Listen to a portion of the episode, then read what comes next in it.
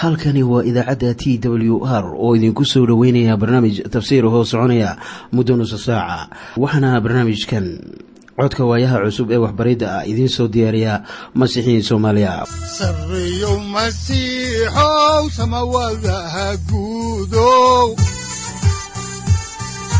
Siraadkii adduunkow subanaha eebow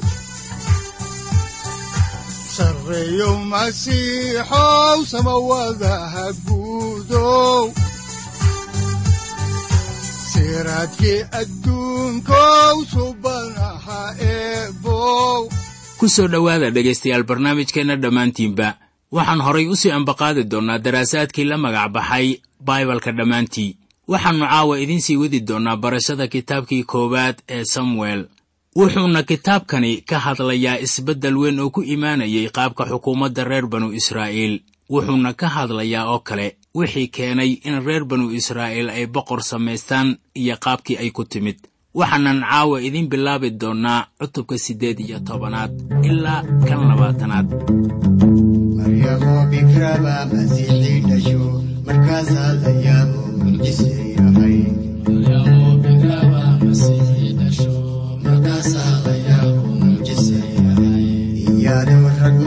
mogbay malaa'ig salanto markaasay urowdo mucjise yahay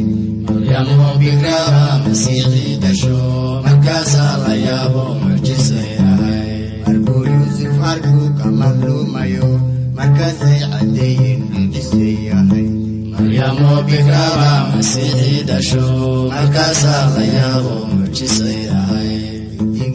markii noogu dambaysay waxay inoo joogtay kitaabkii koowaad ee samuel cutubkiisa toddoba iyo tobanaad oo aynu soo gebagabaynay waxaana cutubkaasu uu ka hadlayay qisada caanka ah ee loo yaqaano nebi daa'uud iyo goliyaath waxaanay ku saabsan tahay haddii aadan maqal daa'uud oo ahaa boqorkii labaad ee reer banu israa'iil oo la dagaalamaya nin xoog weyn leh oo reer falastiin ah.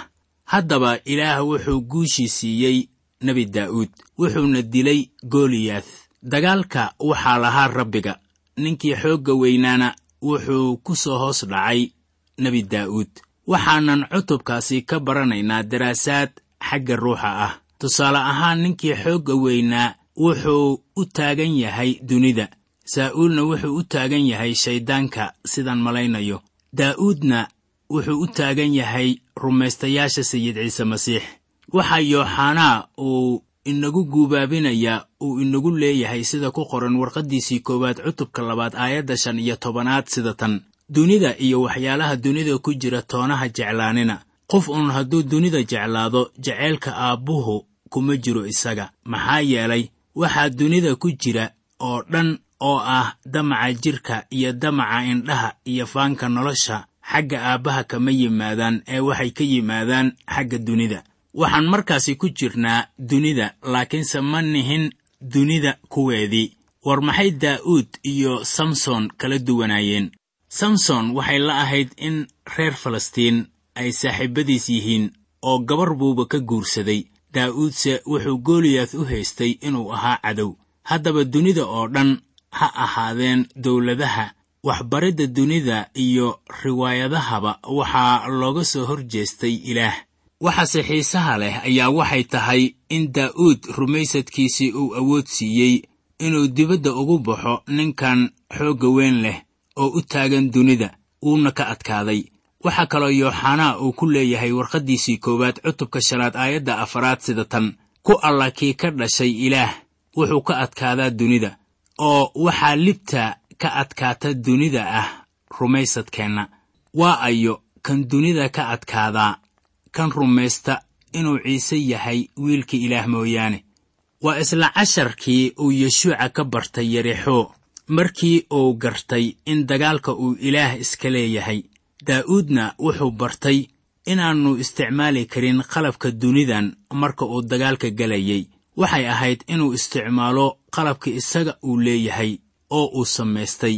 Waa kuwii ilaah uu ku tababaray rumaystayaasha maanta waxay u baahan yihiin inay gartaan in rumaysad iyo kalsoonnidii ilaah la saarto looga gudbi karo. Wax alla waxaannu markaana si dawaale ah idinku bilaabaynaa dhegaystayaal. Cutubka siddeed iyo tobanaad ee kitaabkii koowaad ee samuel.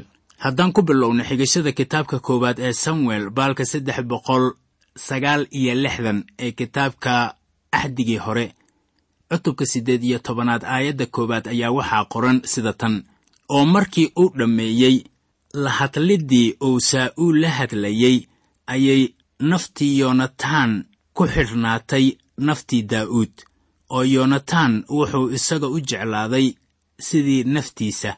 Haddaba daa'uud wuxuu la hadlayey saa'uul saa'uulna wuxuu u yeedhay nebi daa'uud. Kadib markii dagaalkii uu dhammaaday waayo wuxuu doonayey inuu uga mahad celiyo waxyaabihii uu sameeyey ee ahaa inuu dilay gooliyath waxaan arkaynaa in haatan saa'uul uu ka mahad celinayo wixii nebi daa'uud uu sameeyey isagoo eegaya wax kol dambe dhici doona. Haddaba yoonataan oo ahaa wiilkii saa'uul ayaa wuxuu yimid halkii ay joogeen isaga iyo aabbihiis waxaana daa'uud la hadlayey saa'uul isla markaas ayaa naftii yoonataan waxaa lagu tolay tii daa'uud xidhiirkii ka dhexeeyey labada nin wuxuu ahaa mid aad iyo aad u yaab badan. Haddaba labada nin waxay ahaayeen laba nin oo isjecel oo isku dhaarta oo waxay ahaayeen laba nin oo aan wax u kala dahsoonayn haddaan horay idinku sii wadno xigashada cutubka siddeed iyo tobanaad ayaa waxaa qoran aayadda labaad sida tan oo maalintaasaa saa'uul qaatay oo mar dambana uma uu oggolaan inuu gurigii aabbihiis tago.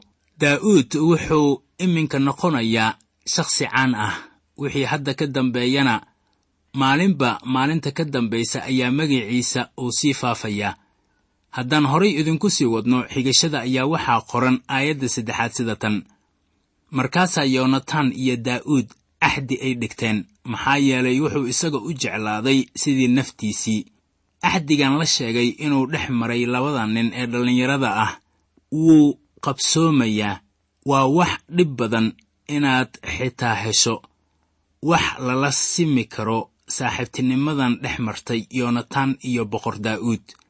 Haddaan horay idinku sii wadno kitaabka oo aan eegno cutubka siddeed iyo tobanaad aayadda afaraad waxaa qoran sida tan markaasaa yoonataan uu iska bixiyey khamiiskiisii uu huwanaa oo daa'uud ayuu siiyey iyo dharkiisii iyo xitaa seeftiisii iyo qaansadiisii iyo suundhabarkiisii daa'uud wuxuu ahaa wiil arijire ah mana haysanin dhar uu dadka ku soo hor istaago. Yoonataan ayaa markaasi daa'uud siiyey khamiisyo wanaagsan waxaana taasu ay muujinaysaa sida yoonataan deeqsi uu u ahaa.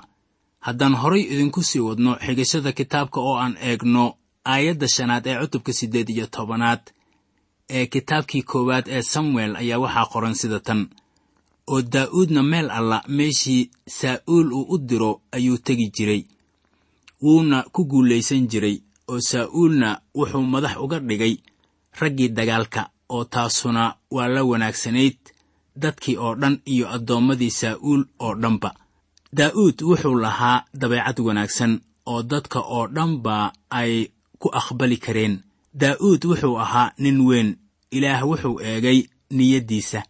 Dadkuse waxay eegayaan dusha oo daa'uudna wuu ka qurux badnaa xagga gudaha iyo muuqaalka dibaddaba hase yeeshee lama odhan karo dembi ma lahayn sidaan arki doonnaba. Laakiin wuxuu ahaa nin niyad wanaagsan oo ilaah dadkuna way jeclaysteen taas. Haddaan horay idinku sii wadno xigashada kitaabka oo aan eegno kitaabkii koowaad ee samuel cutubka siddeed iyo tobanaad aayadaha lix ilaa sagaal waxaa qoran sida tan. Oo marka yimaadeen markii daa'uud uu ka soo noqday layntii reer falastiin dumarkiibaa waxay ka yimaadeen magaalooyinkii reer banu israa'iil oo dhan si ay boqor saa'uul uga hor tagaan iyagoo gabyaya oo ciyaaraya oo faraxsan oo daf iyo alaabtii myuusikada tumaya oo dumarkiina midba midda kalay gabay u celisay. Iyagoo ciyaaraya oo waxay yidhaahdeen saa'uul wuxuu laayey kumanyaalkiisii daa'uudna wuxuu laayey tobanyaalkiisa kun. Saa'uulna aad buu u cadhooday oo hadalkaas ayuu ka xumaaday wuxuuna yidhi waxay daa'uud ku sheegeen tobanyaal kun laakiinse aniga waxay igu sheegeen kumanyaal. Oo maxaa intaasi ka badan oo uu heli lahaa boqortooyada mooyaane? Oo saa'uulna maalintaas dabadeed daa'uud si xun buu u fiirin jiray. Haddaba saa'uul ma jeclaysan ammaantii naagaha iyo heelladoodii. Saa'uulse taas way ka cadhaysiisay waayo dadkiibaa u sacabtumay oo aqbalay nebi daa'uud marka aynu qisada sii wadno ayaannu arki doonnaa saa'uul oo isku dayaya inuu ka eriyo jagadii uu u dhiibay isagoo doonaya inuu baabi'iyo nebi daa'uud maadaama dadku ay jeclaadeen nebi daa'uud ayaa nebi daa'uud uu soo saaray in saa'uul aannu sidii hore u ahayn haddaan horay idinku sii wadno xigashada kitaabka oo aan eegno iminka cutubka siddeed iyo tobanaad aayadda tobanaad waxaa qoran sida tan. Oo subaxdii dambe ruux xun oo xagga ilaah ka yimid ayaa ku soo degay saa'uul oo sidii nebi ayuu wax ugu sii sheegay guriga dhexdiisa. Markaasaa daa'uud wuxuu gacanta ku dhuftay kataarad siduu maalin waliba yeeli jiray oo saa'uulna gacantuu ku haystay warankiisii. Waxaannu halkan ku arkaynaa dhacdo yaab leh oo markii daa'uud uu bilaabay inuu kataaradda ka dhawaajiyo ayaa saa'uul oo meel ka soo hor jeeda fadhiyey warankii gacanta ku qabsaday markaasuu si lama filaan ah ugu soo halgaaday warankii haddaan horay idinku sii wadno xigashada ayaa waxaa ku qoran kitaabkii koowaad ee samuel cutubka siddeed iyo tobanaad aayadda kow iyo tobanaad sida tan oo wuxuu yidhi daa'uud derbigan ku khudbi doonaa markaasaa saa'uul warankii uu ku soo ganay. Daa'uudna laba jeer buu ka gabbaday. Saa'uul wuxuu doonayey inuu daa'uud gebigiiba ka takhalluso. Daa'uud wuu ka booday warankii halgaadda ahaa ee saa'uul uu soo ganay. Markaasuu aayar ka baxay gurigii boqortooyada isagoo socodboobaya. Haddaan horay idinku sii wadno xigashada kitaabka koowaad ee samuel cutubka siddeed iyo tobanaad aayadaha shan iyo toban ilaa lix iyo toban waxaa qoran sida tan. Oo saa'uulna markuu arkay in daa'uud aad uu u guulaystay ayuu la yaabay laakiinse reer banu israa'iil iyo reer yuhuudda oo dhanba daa'uud aad bay u jeclaayeen. Waayo isagu hortooduu ka bixi jiray soona geli jiray. Waxaan haddaba haatan soo gaarnay nebi daa'uud oo guursanaya gabadhii saa'uul oo magaceedu uu ahaa miikaal. Haddaba daa'uud waxaa iminka aqbalay qarankii oo dhan. Saa'uulna wuxuu ka fikirayey sida uu daa'uud ku dabi karo ama uu u shirqooli karo wuxuuna ugu dambayntii goostay hab xariifnimo ah. Wuxuu daa'uud soo hordhigay qorsho u damacsanaa inuu gabadhiisa ku mehriyo oo uu ula xidido hase yeeshee xididnimada waxaa daba socotay shuruud ah inuu dagaal la damacsanaa in falastiin lagu qaado uu hormood u ahaado iyadoo ay la tahay inuu dagaalka ku dhiman doono. Wuxuuse markii hore siiyey meeraab. Markii daa'uud uu aqbalay uu u raacay dagaalka ayaa saa'uul ballankiisii uu xajin ama uu ka soo bixi waayey. Waxaan iminka arkaynaa inuu haddana doonayo inuu daa'uud siiyo miikaal. Maxaa sabab u ah? Waxa taa sabab u ah waxa weeye inuu doonayo inuu nebi daa'uud ku soo celiyo qoyska. Halkaasoo saa'uul markii ay la noqoto uu nebi daa'uud ku dili karo. Waxaanse hubaa inuuna nebi daa'uud weligiiba jeclayn gabadha la yidhaahdo miikaal. Waxaanse mar waliba ku eedaynaa nebi daa'uud inuu ahaa nin naaga badan. Waxaanse odhan lahaa nebi daa'uud waxay cilladda dookhla'aanta habluhu ku timid markii lagu qasbay gabadhan uusan doonaynin. Haddaan horay idinku sii wadno xigashada kitaabka koowaad ee samuel ayaannu eegaynaa cutubka siddeed iyo tobanaad aayadda labaatanaad waxaa qoran sida tan. Oo gabadhii saa'uul oo miikaal ahayd ayaa daa'uud jeclaatay. Markaasaa saa'uul loo sheegay oo taasuna isagii way ka farxisay waxaa inta laynoogu sheegayaa in miikaal ay jeclaatay nebi daa'uud laakiin waxaa cad inaannu isagu jeclayn. Waxaa jacaylka nebi daa'uud uu ka bilowday markii uu magac helay. Laakiin maalintu way imaanaysaa marka ay quursan doonto oy ku nici doonto jacaylkiisan weyn ee uu ilaah u qabo haddaan intaasi uga baxno cutubkii siddeed iyo tobanaad ayaannu haatan idiin bilaabaynaa dhegaystayaal cutubka sagaal iyo tobanaad iyo kan labaatanaad oo isku hal cashar ah. Waxaana mawduucyada ay ka hadlayaani ay kala yihiin saa'uul oo isku dayaya inuu dilo nebi daa'uud mar kale iyo yonatan oo daa'uud ka caawinaya sidii uu kaga baxsan lahaa saa'uul waa aabbihiiye cutubkan wuxuu ku bilaabanayaa qayb anigu aan ugu yeedhay aanshixintii nebi daa'uud dabadeedna wuxuu bixinayaa amar ah in nebi daa'uud la soo dilo.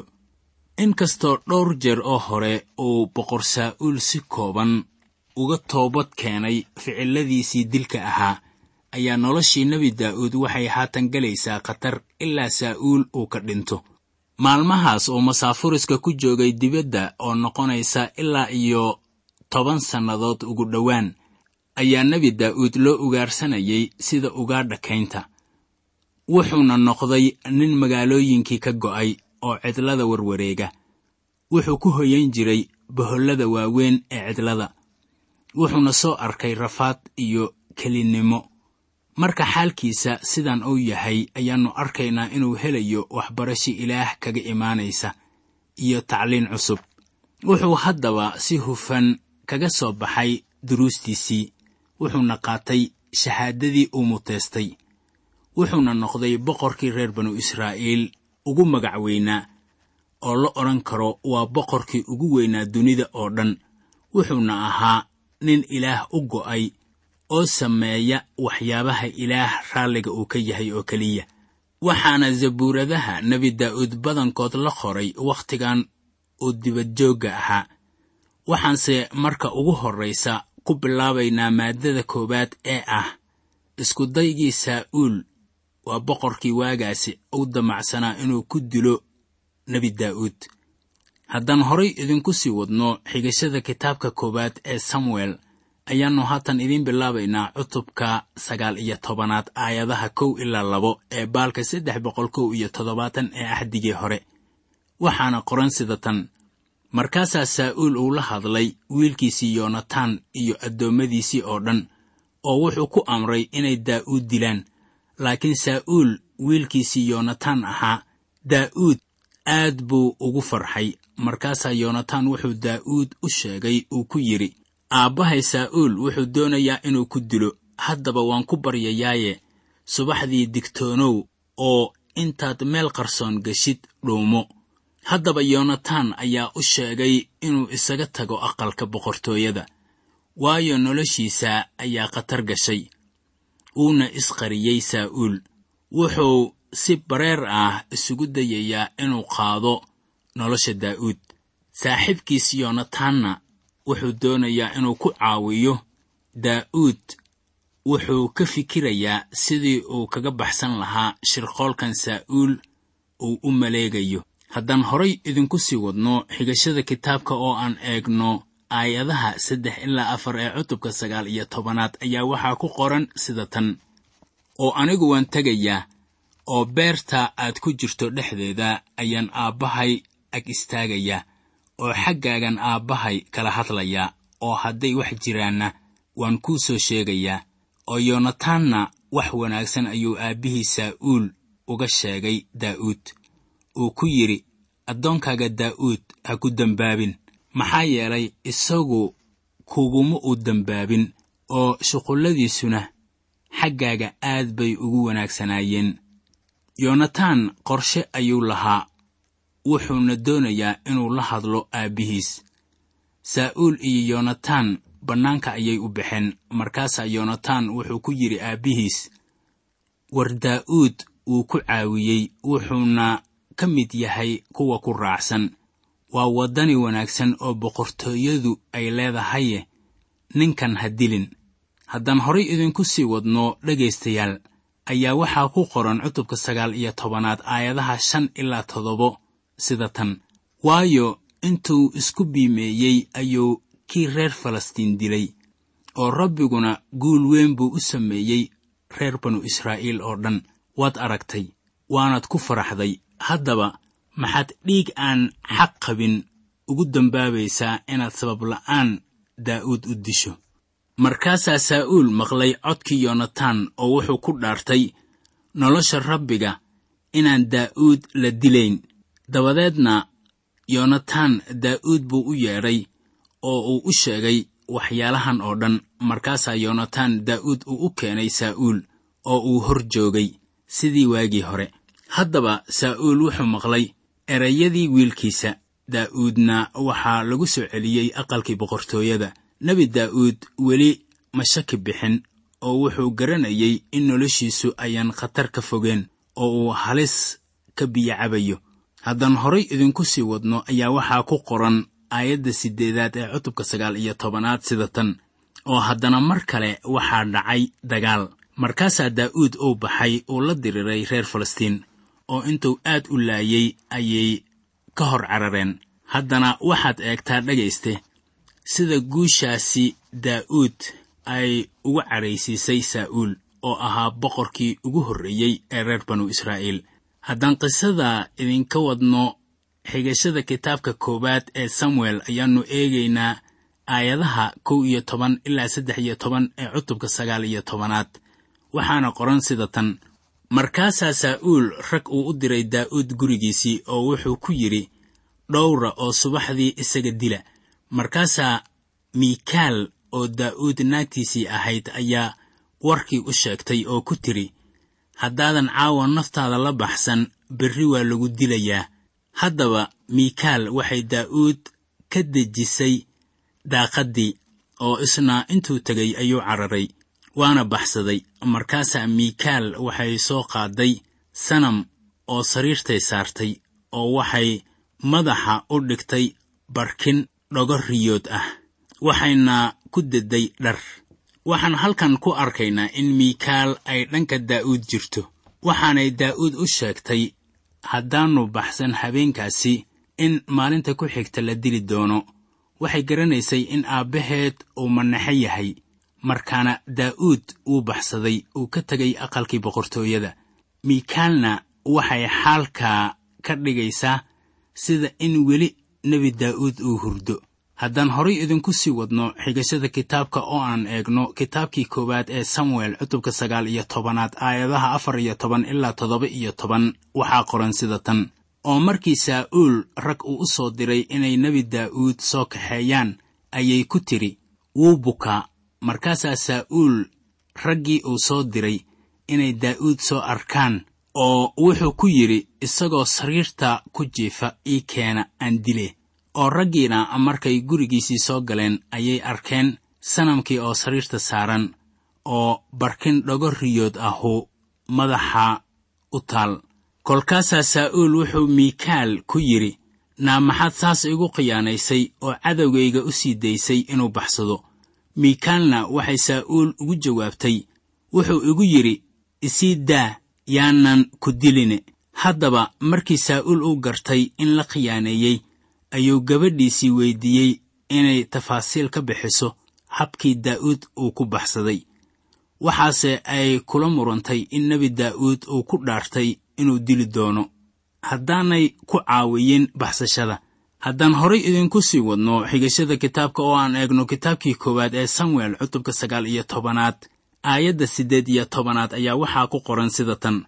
Haddaba daa'uud wuu cararay oo wuu baxsaday oo wuxuu samuel uga yimid raamaah oo uu u sheegay kulli wixii saa'uul uu ku sameeyey oo dhan markaasaa isaga iyo samuel waxay tageen oy degeen naayot. Haddaba samuel xitaa wuxuu boqray nebi daa'uud oo isaga xitaa noloshiisu khatar bay ku jirtaa. Saa'uul si aan gambasho lahayn ayuu isugu taxallujinayaa inuu dilo nebi daa'uud wixii intaa ka dambeeya daa'uud waa la ugaarsanayaa. Muxuu haddaba mustaqbalka nebi daa'uud noqonayaa wakhtigan. Wuxuu noqonayaa duurjoog ilaa saa'uul uu ka dhinto. Iminkana waxaynu eegaynaa yoonataan oo ku caawinaya nebi daa'uud inuu baxsado. Si bal aynu arrinkan ugu eegno kitaabka ayaa waxaa habboon inaan la soo baxno kitaabka axdigii hore baalka saddex boqol toddobaatan iyo laba cutubka labaatanaad aayadda koowaad waxaa qoran sida tan markaasaa daa'uud wuxuu ka cararay naayood oo raamaah ku taal oo intuu yoonataan u yimid ayuu ku yidhi war maxaan sameeyey oo dembigaygu waa maxay? Oo dembiga aan aabbaha ku sameeyey ee uu naftayda u doonayaa waa maxay? Daa'uud su'aal buu weydiinayaa yoonataan oo wuxuu leeyahay war maxaan sameeyey weligii waxba uma geysan saa'uul hase yeeshee wuu caawiyey laakiin saa'uul marnaba laguma tilmaami karin boqor. Ilaah wuxuu garanayay inaannu boqor ahayn mana ahayn kii ilaah doortay. Dadku waxay doonayeen boqor oo saa'uul bay u doorteen inuu xukumo. Ilaah codsigoodii buu u oggolaaday laakiin isla sidii ay wakhtigii nebi muuse ahaydba wuxuu nasadoodii u soo diray caatow markii ay cidlada joogeen reer banu israa'iil waxay doonayeen hilib. Wuxuuna ka dherjiyey hilib digaag. Waa ilaahe wuxuuna siiyey wax waliba ee ay doonayeen. Haddaan qisadii nebi daa'uud ku soo noqonno ayaan arkaynaa in nebi daa'uud uu la yaabay waxa saa'uul daba dhigay. Haddaan horay idinku sii wadno dhegaystayaal xigashada cutubka labaatanaad ayaannu eegaynaa aayadda labaad. Waxaana qoran sida tan oo isna wuxuu ku yidhi yaanay noqon adigu dhiman maysid aabbahay wax yar iyo wax weyn toona ma sameeyo. Wixii uu daaha iiga qaaday mooyaane maxaa aabbahay waxaas oo kale uu iiga qarinayaa? Saas ma aha. Sarreeyo masiixow samawadaha guudow siraadkii adduunkow subanaha eebow adigoo samada jiro ifkaan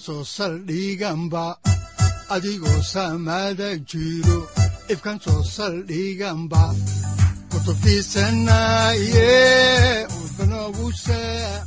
halkani waa t w r idaacadda t w r oo idinku leh ilaa ha idin barakeeyo oo ha idinku anfaco wixii aad caawi ka maqasheen barnaamijka.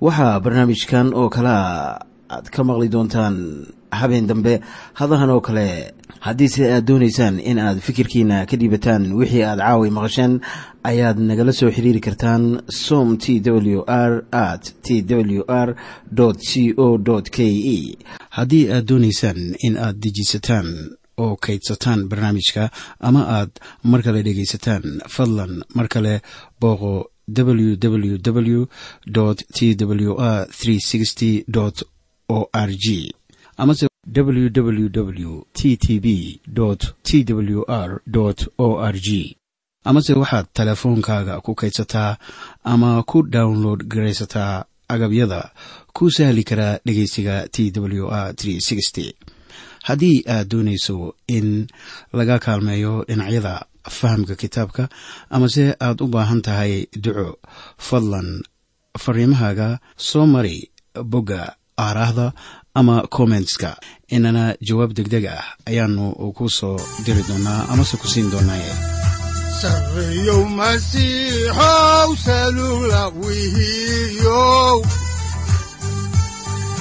saacadda timid dhulka sabada ku dhalatiyo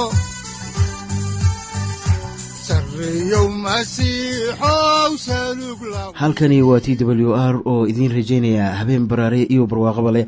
Inta aynu ka gaari doono wakhti aynu ku kulanno barnaamij la mida kan caawayay aad maqasheen. Waxa aan idinku leeyahay nabadda ciise masiix ha idinku badato xagga jidhka iyo ruuxaba. Aamiin